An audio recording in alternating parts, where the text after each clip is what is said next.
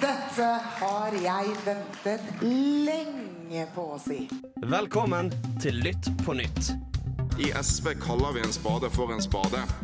Det har vært en rein heksejakt. Hvis du klarer å bære fram ett, så bør du kunne klare å bære fram to.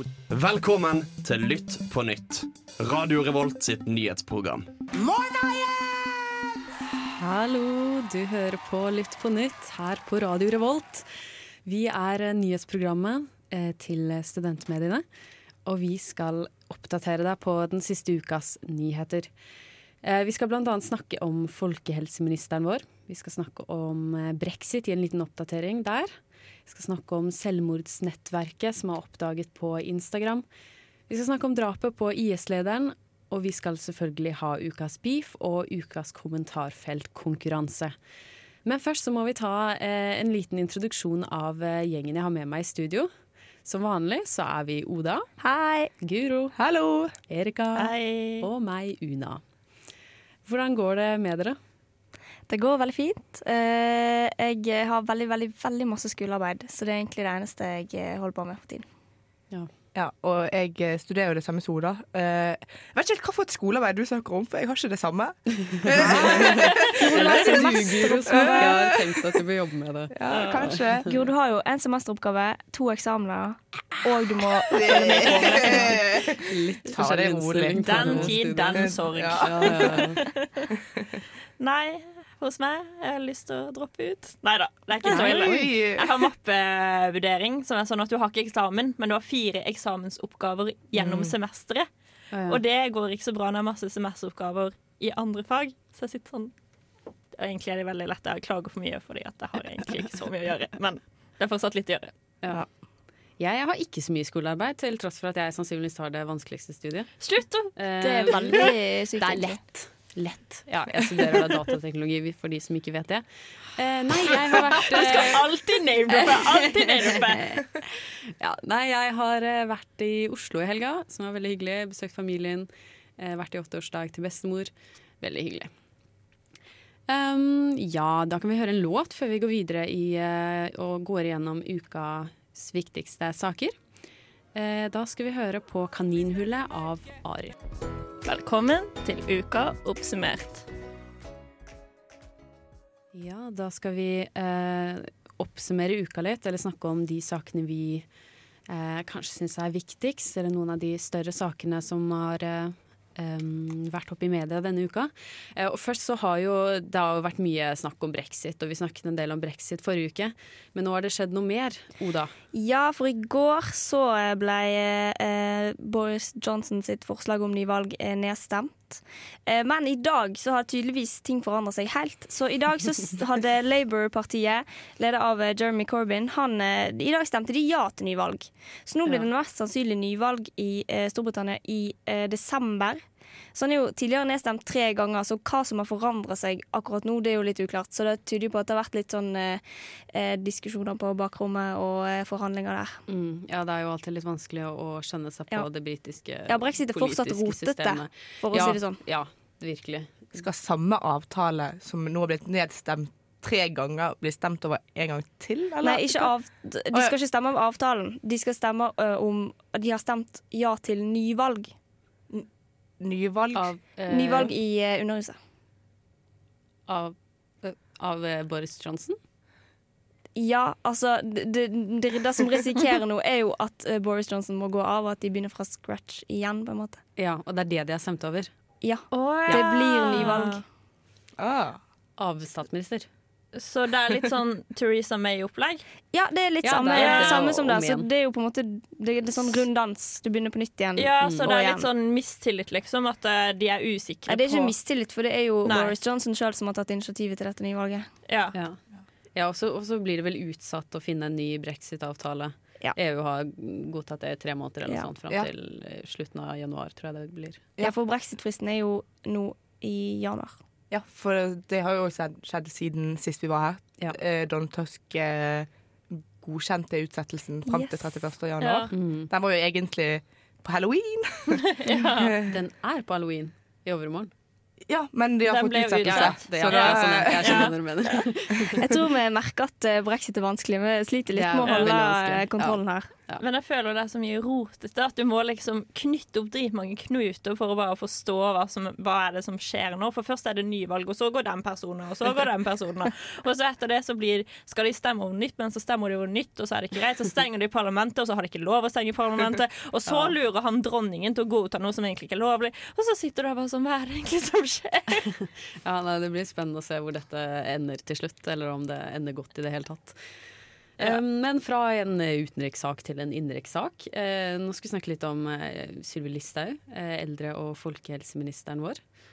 Eh, hun har blitt beskyldt for å være en veldig passiv folkehelseminister, eh, og har vært veldig lite ute i media, og kommet med veldig få tiltak. Men nå denne uka så hadde hun et intervju, eller Aftenposten hadde et intervju med henne, hvor hun gikk ganske mye imot det hun tidligere har sagt eh, om eh, tobakk, alkohol, eh, kjøtt. I Norge Eh, spiser vi kjøtt Også, ja. og drikker alkohol. Ja, ja. Nei, ikke nå lenger, ifølge Listhaug. Eh, og hun går jo egentlig ganske mye mot eh, sin egen partis politikk. Ja, for eh, alkoholpolitikken til Frp stemmer jo ikke helt overens med det Sylvi Listhaug har sagt nå i det siste. Nei, den er jo veldig liberal, og det Ja. gjelder egentlig ja, både alkohol og tobakk og kjøtt- eller avgiftspolitikk eh, på, på sånne produkter. Ja, det er jo litt rart av, en, av, av hun å ha å på en måte drive en litt annen politikk enn det partiet holder på med. Ja. Kanskje hun har blitt inspirert eh, til å få bedre helse sjøl? For jeg har jo sett at hun har begynt å trene med Bård Hoksrud. ja. Det morsomme er at i det intervjuet så peker hun til og med på at ja, jeg har jo offentliggjort mitt eh, treningsopplegg for tiden, eh, og tenker at det er et av tiltakene hun har kommet med for å bedre helsen eh, i Norge. Tenk om Sylvi Listhaug blir den nye funkygine. Oi! Det er gøy å tenke på. sin- At hun på sin egen blogg og skal drive og snakke om hvorfor som folkehelseminister eller eldre folkehelseminister Dette er hvorfor du skal trene. Dropp røyken. Dro heller ha Pepsi Max istedenfor Pepsi, så kan du bli akkurat som meg. Men, ja, men eh, det er jo ja, litt interessant at hun Vet- har skiftet så Vet vi om, hun har- om hun har slutta å røyke?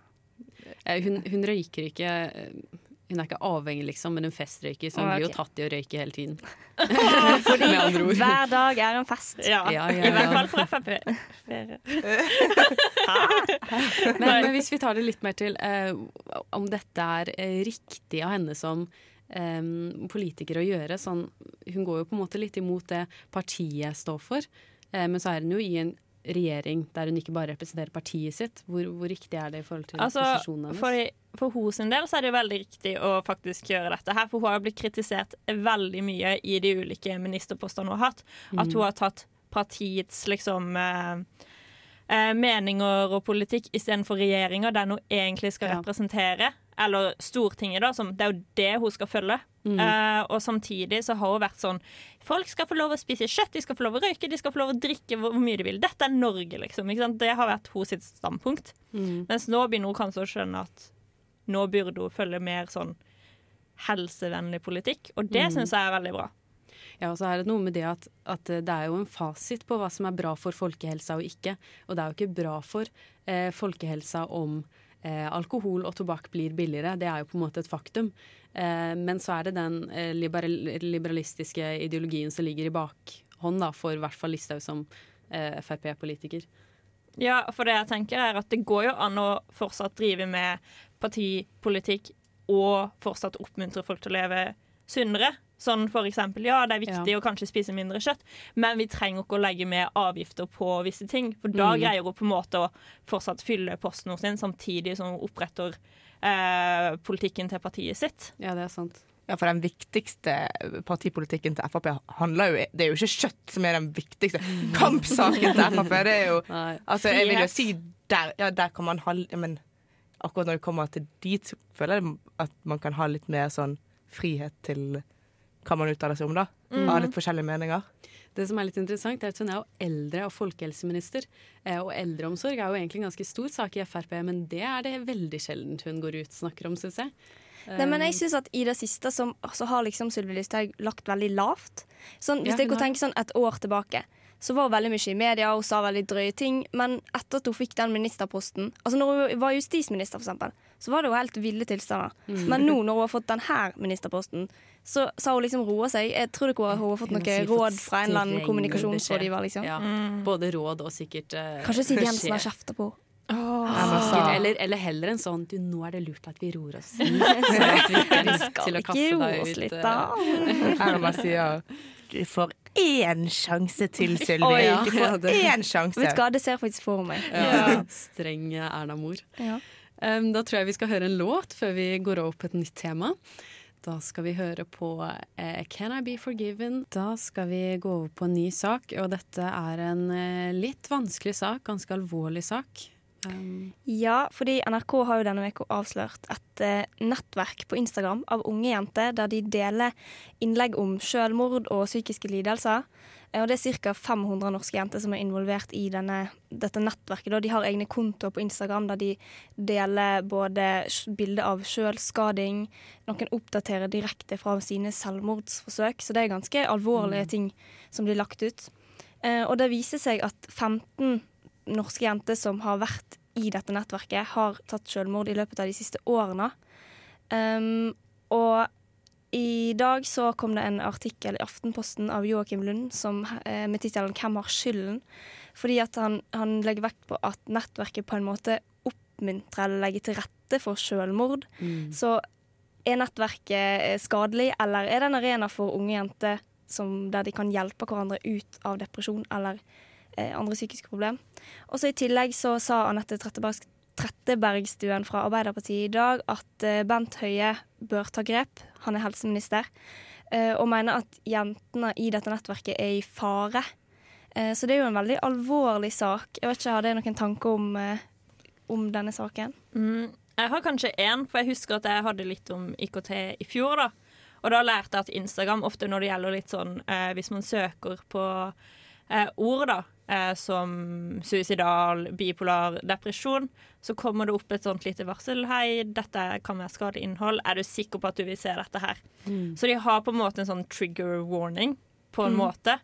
Men samtidig så burde det jo kanskje vært For de har jo lansert noe nytt som jeg vet ikke om de har lansert eller skal det, men at reklame som kan være skadelig for unge eh, Man kan ikke se det hvis man er under 18. Og burde ikke dette gjennomføres for, disse, for barn under 18 òg, tenker jeg. Ja, men dette er jo på en måte et nettverk med trigger warnings, for å si det sånn. Altså Det er jo utelukkende selvskading, man forteller om hvor, hvor ille man har det, hvor deprimert man er. Eh, forteller om planer om å ta livet sitt. Så det er jo på en måte ja, en haug med sånn trigger warnings. Altså, jeg vet ikke om dette er veldig far out, men det går på en måte kanskje an å dra paralleller til sånn incel-miljø. Ja, for det tenkte jeg òg. At mm.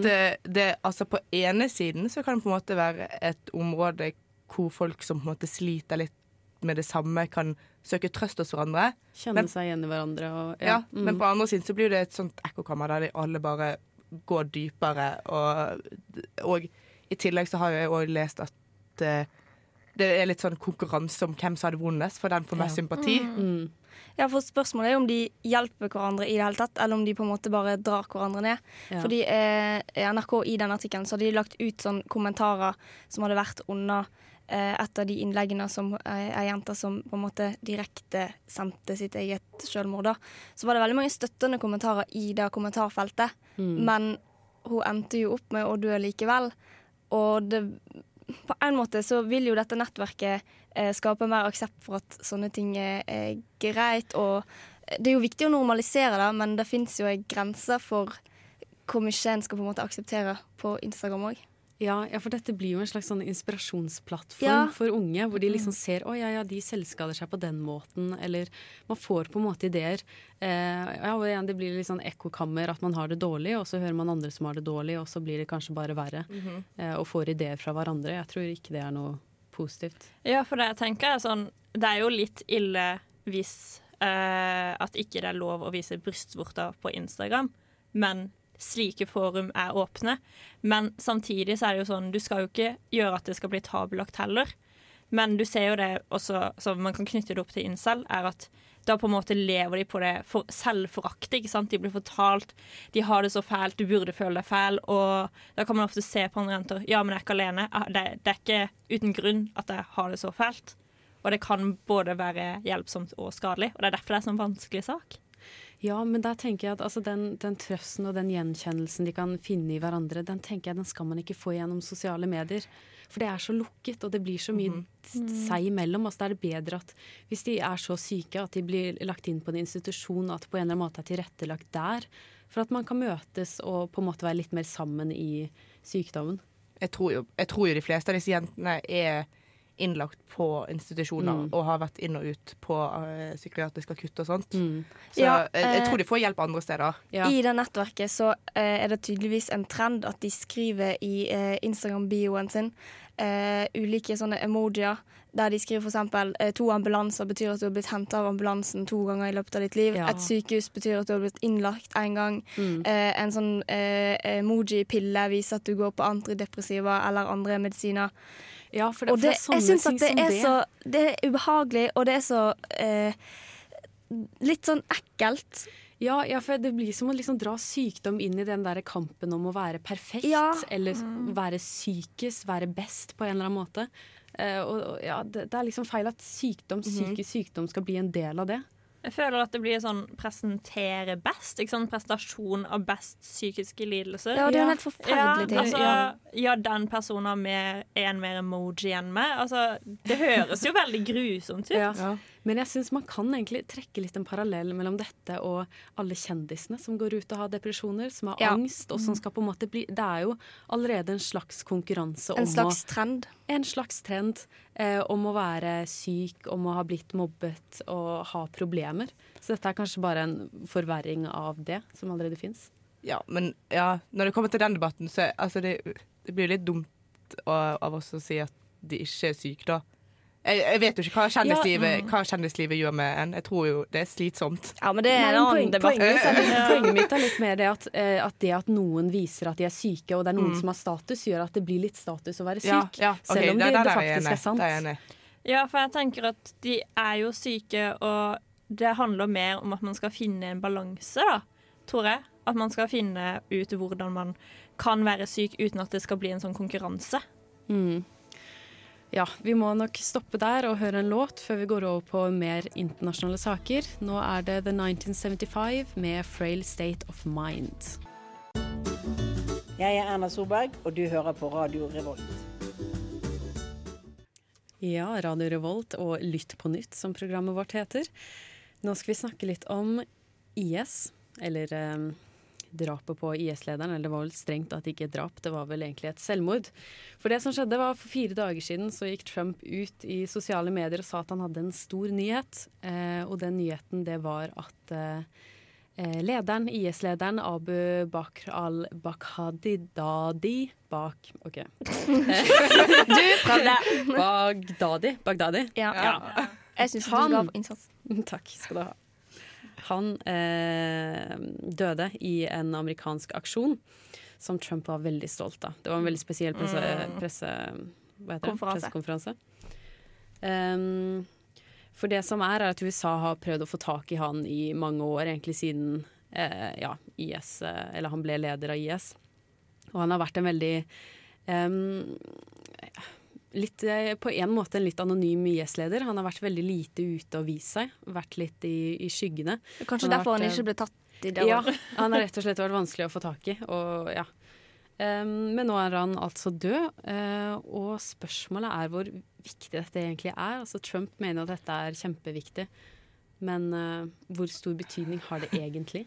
Jeg tror det er viktig for feil folk. For jeg tror at dette her kommer til å blusse opp IS 3.0. Og det er det flere som har sagt. Altså Når på en måte du omtaler en person sånn som han gjorde på den pressekonferansen Han var en hund, han døde gråtende uh, og alt det her. Altså Jeg tror at dette kommer til å gjøre at folk blir sinna. Fordi at ja, han gjorde forferdelige ting, men han er et menneske. Han er ikke en hund, liksom. Sånn Donald Trump omtalte han som. Ja, for Trump var jo ikke akkurat så veldig diplomatisk i den Mm. pressekonferansen. Og det viser jo på en måte litt sånn respektløshet overfor menneskeliv. For uansett Ja. om du er en IS-leder, så er det jo et menneskeliv. Det handler jo, altså, du kan jo omtale han som omkommet, avdød, Ja. eh, istedenfor at det er en hund som ble drept, liksom. Ja, og liksom Mm. skildre Jeg så det på film, og det var skikkelig bra filma. Og, eh, Ja, jeg synes var det, det ubehagelig. det, var, det, ja, det var litt ekkelt å høre på som en som Mm. egentlig ikke var så veldig fan av IS-lederen, på en måte.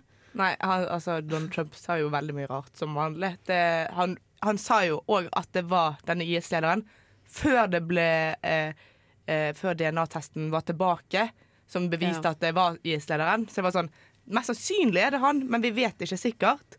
Og det, det er veldig spesielt av en president å vente, ikke vente til han har sikre resultater med å fortelle en så stor nyhet.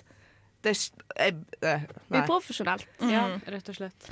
Nei, for det jeg reagerte på, det var når jeg først begynte å se denne pressekonferansen. Så på begynnelsen var det sånn OK, vet du hva, Trump, her er det ikke så ille. Første halvdel.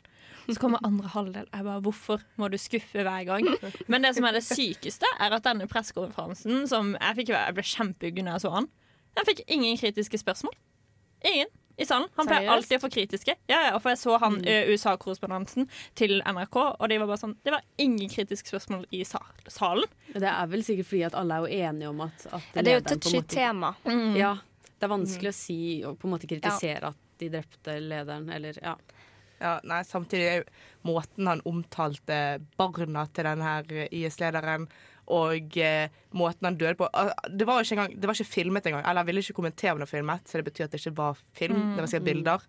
Eh, og, ja. Men i dag så kom det jo ut at eh, amerikanske soldater hadde òg drept eh, eh, han som ville blitt ny leder av IS. Neste er det, da. Ja, det skjedde med. nettopp. Det skjedde nettopp. Nettopp.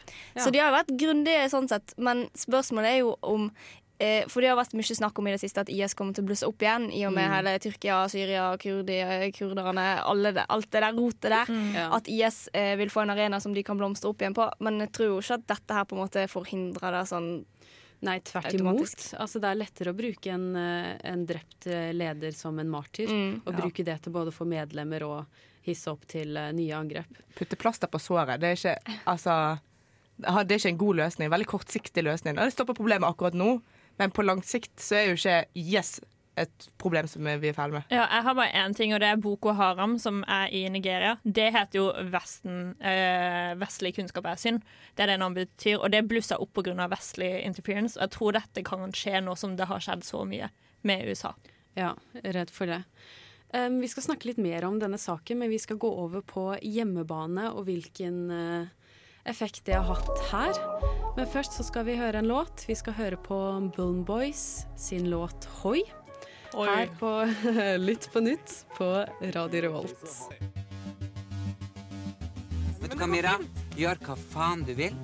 Spring opp i skogen, eller hva faen du vil. Vi har ikke bruk for deg.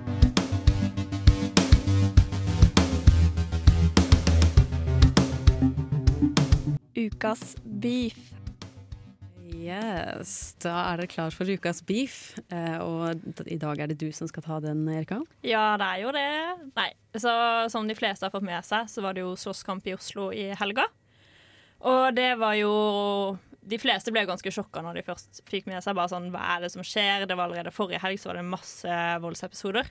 Men det er rett og slett at uh, kurdere og um, tyrkere har demonstrert utenfor uh, den tyrkiske ambassade på Solli plass i Oslo.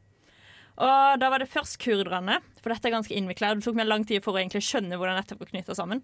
For kurderne hadde søkt på søndag om å kunne eh, demonstrere der til politiet klokka tre. Så gikk det noen dager, tre dager, så på onsdag kom tyrkerne og søkte om de kunne demonstrere klokka ett før kurderne. Så det er jo litt skittent spill, og så kan du jo tenke litt sånn Hvorfor lar politiet dette gå? Altså, det, det, dette her fører til mye bad. Så var de der, og de var jo der samtidig, fordi to timers demonstrasjon er jo ikke lang tid. Og da endte det opp med at noen tyrkiske ungdommer, ifølge et øyevitne i en bil, da, drev og angrep barnefamilier, som gjorde at de forsvarte seg. Da kom flere tyrkere inn.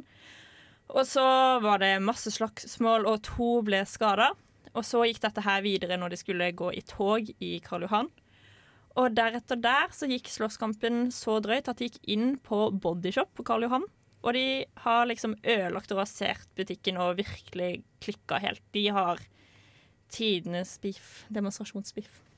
Men, eh, men hva er det kurderne Altså hva er det verre de har demonstrert mot? Ja, så kurderne demonstrerte jo mot altså hvordan Tyrkia har uh, gått inn i uh, eh, mot kurderne, da. På syrisk område. Ja, på syrisk område. Mens tyrkerne er for denne her. Altså hvordan de har gått inn på dette området. Dette, de mener at dette er kjempebra, dette er bra Erdogan, og han burde fortsette sånn som han gjør. Ok, Så de hadde en slags sånn støttedemonstrasjon? da, Ja, på en måte. støtte og anti. Ja. Ja, For et par uker siden så skjedde jo egentlig nesten det samme i Bergen. Eller eh, da var jo det bare demonstrasjon eh, fra kurdernes side. Eh, og så var det noen eh, mindreårige eh, som da kom med støttende kommentar til Erdogan, og da hadde det nesten endt i slagsmål der òg. Så det er jo en veldig amper konflikt, selv i Norge. Det viser jo dette her. Mm. Ja, nei, for jeg er jo med i en sånn Det er litt utafor og kanskje ikke har så mye med saken, men litt med saken å gjøre. For jeg er med i en Facebook-gruppe av utlendinger for utlendinger. Som egentlig er, den er egentlig ganske morsom, for det er masse sånn utlendinghumor og alt det der. Men nå har det blitt skikkelig amper stemning der inne også, fordi at det er bare folk som kritiserer og sender liksom trusler til folk. Det er folk som har drapstrusler, folk blir kasta ut. Det er skikkelig ille. Så du ser at dette påvirker utlendingssamfunnene nå, liksom. Men det jeg jo syns er veldig ubehagelig, er jo alle kommentarene i eh, eh, kommentarfeltene på, i avisene. Fordi at det er utrolig mange eh, hvite menn som pusher 50, som vil uttale seg om dette. Mm. Eh, og da skriver de sånne ting som at ja, det er ikke overraska over at dette skjer i Norge når det er så mange utlendinger her, og eh, alle utlendinger har eh, vold i blodet, og det er jo helt forferdelig. Ja. ja, det er mye konflikt som kommer som et resultat av eh, av eh, denne konflikten egentlig i flere deler av verden. Det sier jo egentlig noe om hvor eh, spent eh, situasjonen er i utgangspunktet, og hvor eh, ja, hvordan eh, kurderne er et eh, veldig Utsatt folkeslag. Utsatt Mm. folkeslag, ja, rett og slett. Vi skal høre en låt før vi går videre. Vi skal høre på Fie sin låt 'So Fly'. Kan ingenting, vet ingenting. Skam deg! Bryr seg ikke om folk i det hele tatt. Bare Nå må du ta deg en Kompetent. konspirasjonsbolle Fy faen, her er det klassisk vannmelon. Grønn utenpå, rød inni. Og stråmennene dine kan du ta med deg bak loven. Nå er det duket for kommentarfeltkonkurransen. Oh yeah! Og i dag er det du, Guro, som skal uh, ta oss gjennom noen fine kommentarer. Ja, jeg vil ikke kalle de fine, men jeg skal ta dere gjennom noen kommentarer, så får vi se om dere klarer å gjette de da. Skal jeg bare begynne, eller? Ja, kjør på. OK, her har vi nummer én. Tåler man ikke såpass, jobber man på feil sted. Metoo har gått altfor langt. Dette her var helt vanlig for bare noen år siden, og slutter vi med det, blir bare verden et kje- kjedelig sted. Slutt å være så forbanna prippende. Oh, ja, Er det noen som har sett på Exit, og så blir de sur for at eh, folk blir på Noen fra finansmiljøet har sett på Exit, og så vil de normalisere den eh, kvinnehatet som de har sett på? ja, det var en god idé. Eh, Det tenkte jeg ikke på. Eh, dere er ganske langt unna. Ja. Mm, nei, eh, Erika, hva Er det, er det fordi at de viste mye nakenkropp på Exit? Nei, det har, det, dette er ikke en sak om Exit. Nei. Men jeg vil jo snakke om Exit. Ja. Sorry, sorry. Dette ble funnet på TV2, så det har nok ikke noe med Exit å gjøre. Ja, skal jeg si en kommentar Ja. til, da? Så Ja, dere ja. klarer å komme nærmere. Ha litt humor og gi en, eh, og gi en kommentar tilbake, da vel. Krenker meg her og krenker meg der. Fortsatt. fortsatt. En til. En til. Den var vanskelig. Jeg syns den var vanskelig, ja. Ja, det- jeg tror ikke det er en veldig Det er profilert jo, sak. det er jo men ble noen som, det er jo åpenbart noen som har blitt krenka, da. Men da kan det være hva som helst. Metoo-greier. nakenhet Ja. eller kvinnes seksualitet. det er Ja. Eh, eh, siste kommentaren. Skjønner problemet, men enkelte damer må på død og liv ha på, ha på seg det trangeste som fins av bukser. Der, der du faktisk ser at buksa glir rett inn både på framside og bakside. Går du med stikkeklær, så må du regne med at en, fyr, en eller annen fyr stenger med lepper. Hva er dette? Er det, er det det med gymgreiene på Sats? Nei, det, Er nei. det ikke Sats? Jeg vurderte å ta den saken der. Men, Ja, fordi eh, Sats har jo jeg- nye Ja. kleskoder. Nei, hva er det for noe? Oh, ja, har de? Eh, ja. Men? Men kan vi først, Jeg vil vite Ja. kleskodene på Sats. Ja, det er et eller annet med at Du du, har ikke kan lov å gå med eh, Magetopp. magetopp-treningsgreier for å forebygge kroppspress, men samtidig oh, ja. så er det jo hygienisk delen. det er jo litt uhygienisk på, på en måte å Hvis du ha trener på sånne rygg. apparater og sånn. Ja. Men Det er det ikke den saken. Nei, Eh, vil dere vite det? Ja. Ok, det var en, eh, det var en fyr, en 75 år gammel eh, mann, som fikk eh, en bot på 8000 kroner fordi han hadde trakassert noen jenter på Kafé Lille Persille i Lørenskog. Det, er ikke veldig, eh, det var ikke en veldig liten sak. Ja, det er en veldig liten sak, men det var en veldig Og jeg ble veldig irritert, så jeg bare måtte, måtte ta Men, den denne eh, gangen. Hva, hva er greia? Hvordan har han trakassert dem? Vil du høre noen av de tingene han har sagt? Ja, gjerne. Ja, er greit. Du kan ikke gå med slik stramme bukser. Da får du sånne gamle griser som meg til å se på rumpa di. Jeg håper vaflene smaker like godt som du ville ha smakt. Og, og, eh, og som en som jobber i servicebransjen, så kan jeg si at dette her er veldig trist å høre, men at jeg har vært borti sånne ting før. Samme Det, her. ja, det er, For et sjarmtroll! Nei, men han var jo Jeg synes det er litt sånn Det er litt forhistorisk. Det skjer ikke så mye. Jeg tenker Man må, må ta, sette pris på det. Sette pris på det for liksom Jeg har aldri vært mer redd enn når jeg leverte pizza til en 75 år gammel mann. redd. Jeg ble, han, 75-åring klarer jo ikke å løpe Ja, men etter du deg. må fortelle hva som skjedde, da. Jeg var hjemme hos en 75 år med pizza. Veldig klart alkoholiker. Og huset hennes så ut som et hus fra 1960. Det var sånn der eh, Er det grammofon det heter? Og han hadde ikke TV. Og så hadde han bilder av barna sine som han helt klart ikke hadde sett på 40 år. Og så når jeg gikk, så sa, øh, og jeg måtte være der kjempelenge. Og han fikk meg til å sitte nede i sofaen hans, så jeg var livredd. Og når jeg gikk, så. Du skal jo bare levere en pizza og gå. Jeg er svak!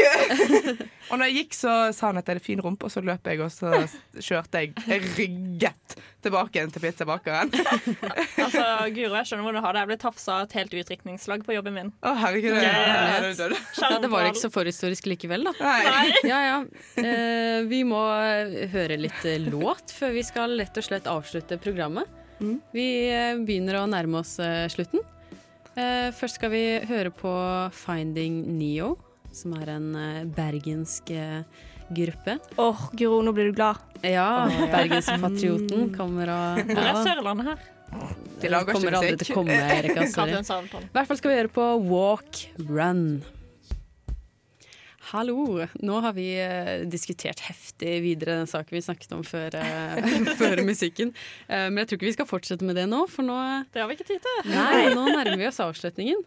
Men før vi går i dag, har dere noe kule tips til lytterne våre? Jeg har opparbeidet meg livsvisdom. Jeg er bare 20 år, men jeg har ett godt tips, og det er noe jeg har lært i løpet av mitt eh, 20 år gamle liv. Og det er at den eneste måten du kan uh, utvikle deg som person og lære noe på, det er å gå ut av komfortsonen. Så det er mitt tips, og jeg anbefaler alle å gå ut av sin komfortsone denne uka. Mitt tips er, for hvis dere er som meg og begynner å kjenne litt på denne høstforkjølelsen, uh, så er det å ikke ligge og bare eh, dra deg sjøl i sengen, og bare, selv om du er det du vil, dra på trening. Du føler så mye bedre etterpå. Det hjelpe tidlig. Man må, ha på, man må ha på ullsokker når man sover. Da blir man ikke syk. Ja, men når, det- når allerede skaden har skjedd, når allerede skaden har skjedd Ja, men det- Hvis du er syk, så skal du ikke gå og trene. Nei, men Hvis du er sånn halvsyk, sant, så tar du en litt lett treningsøkt. Sånn at du svetter Ja, litt. bare for å få Ikke- energi, liksom. Ja, Og så dusjer du, og så føler du deg bra igjen. Ja, og jeg har et tips da, for Hvis du syns at det var litt vanskelig å høre på denne saken, eller hvis du sliter litt psykisk, så er det folk du kan kontakte. Og det er for sitt. De har for dere studenter i Trondheim De har et sted du kan kontakte dem, og så kan du få hjelp av profesjonelle. Eller så kan du også ringe Kirkens SOS og Mental Helse. Så det er mitt tips, å ringe disse her. Det passer fint når vi har eh, snakket litt om eh, selvmord i Ja, denne ja. Det passer passet veldig fint. Jeg òg har noe som er relatert til det vi har snakket om. Vi har snakket litt om IS og Syria. Eh, og da vil jeg anbefale podkasten eh, Det svarte flagget. Hvor man får historier til eh, norske som har dratt ned og blitt med i IS. Og det syns jeg er en veldig interessant podkast. Da skal vi høre en låt, og vi må si ha det bra for og takk for at du hørte på oss. Vi skal høre på Big Thief med Two Hands. Du har akkurat hørt en sending med Lytt på nytt. Du kan òg høre Lytt på nytt live hver tirsdag fra klokken fire til klokken fem på radiorevolt.no eller på DAB+.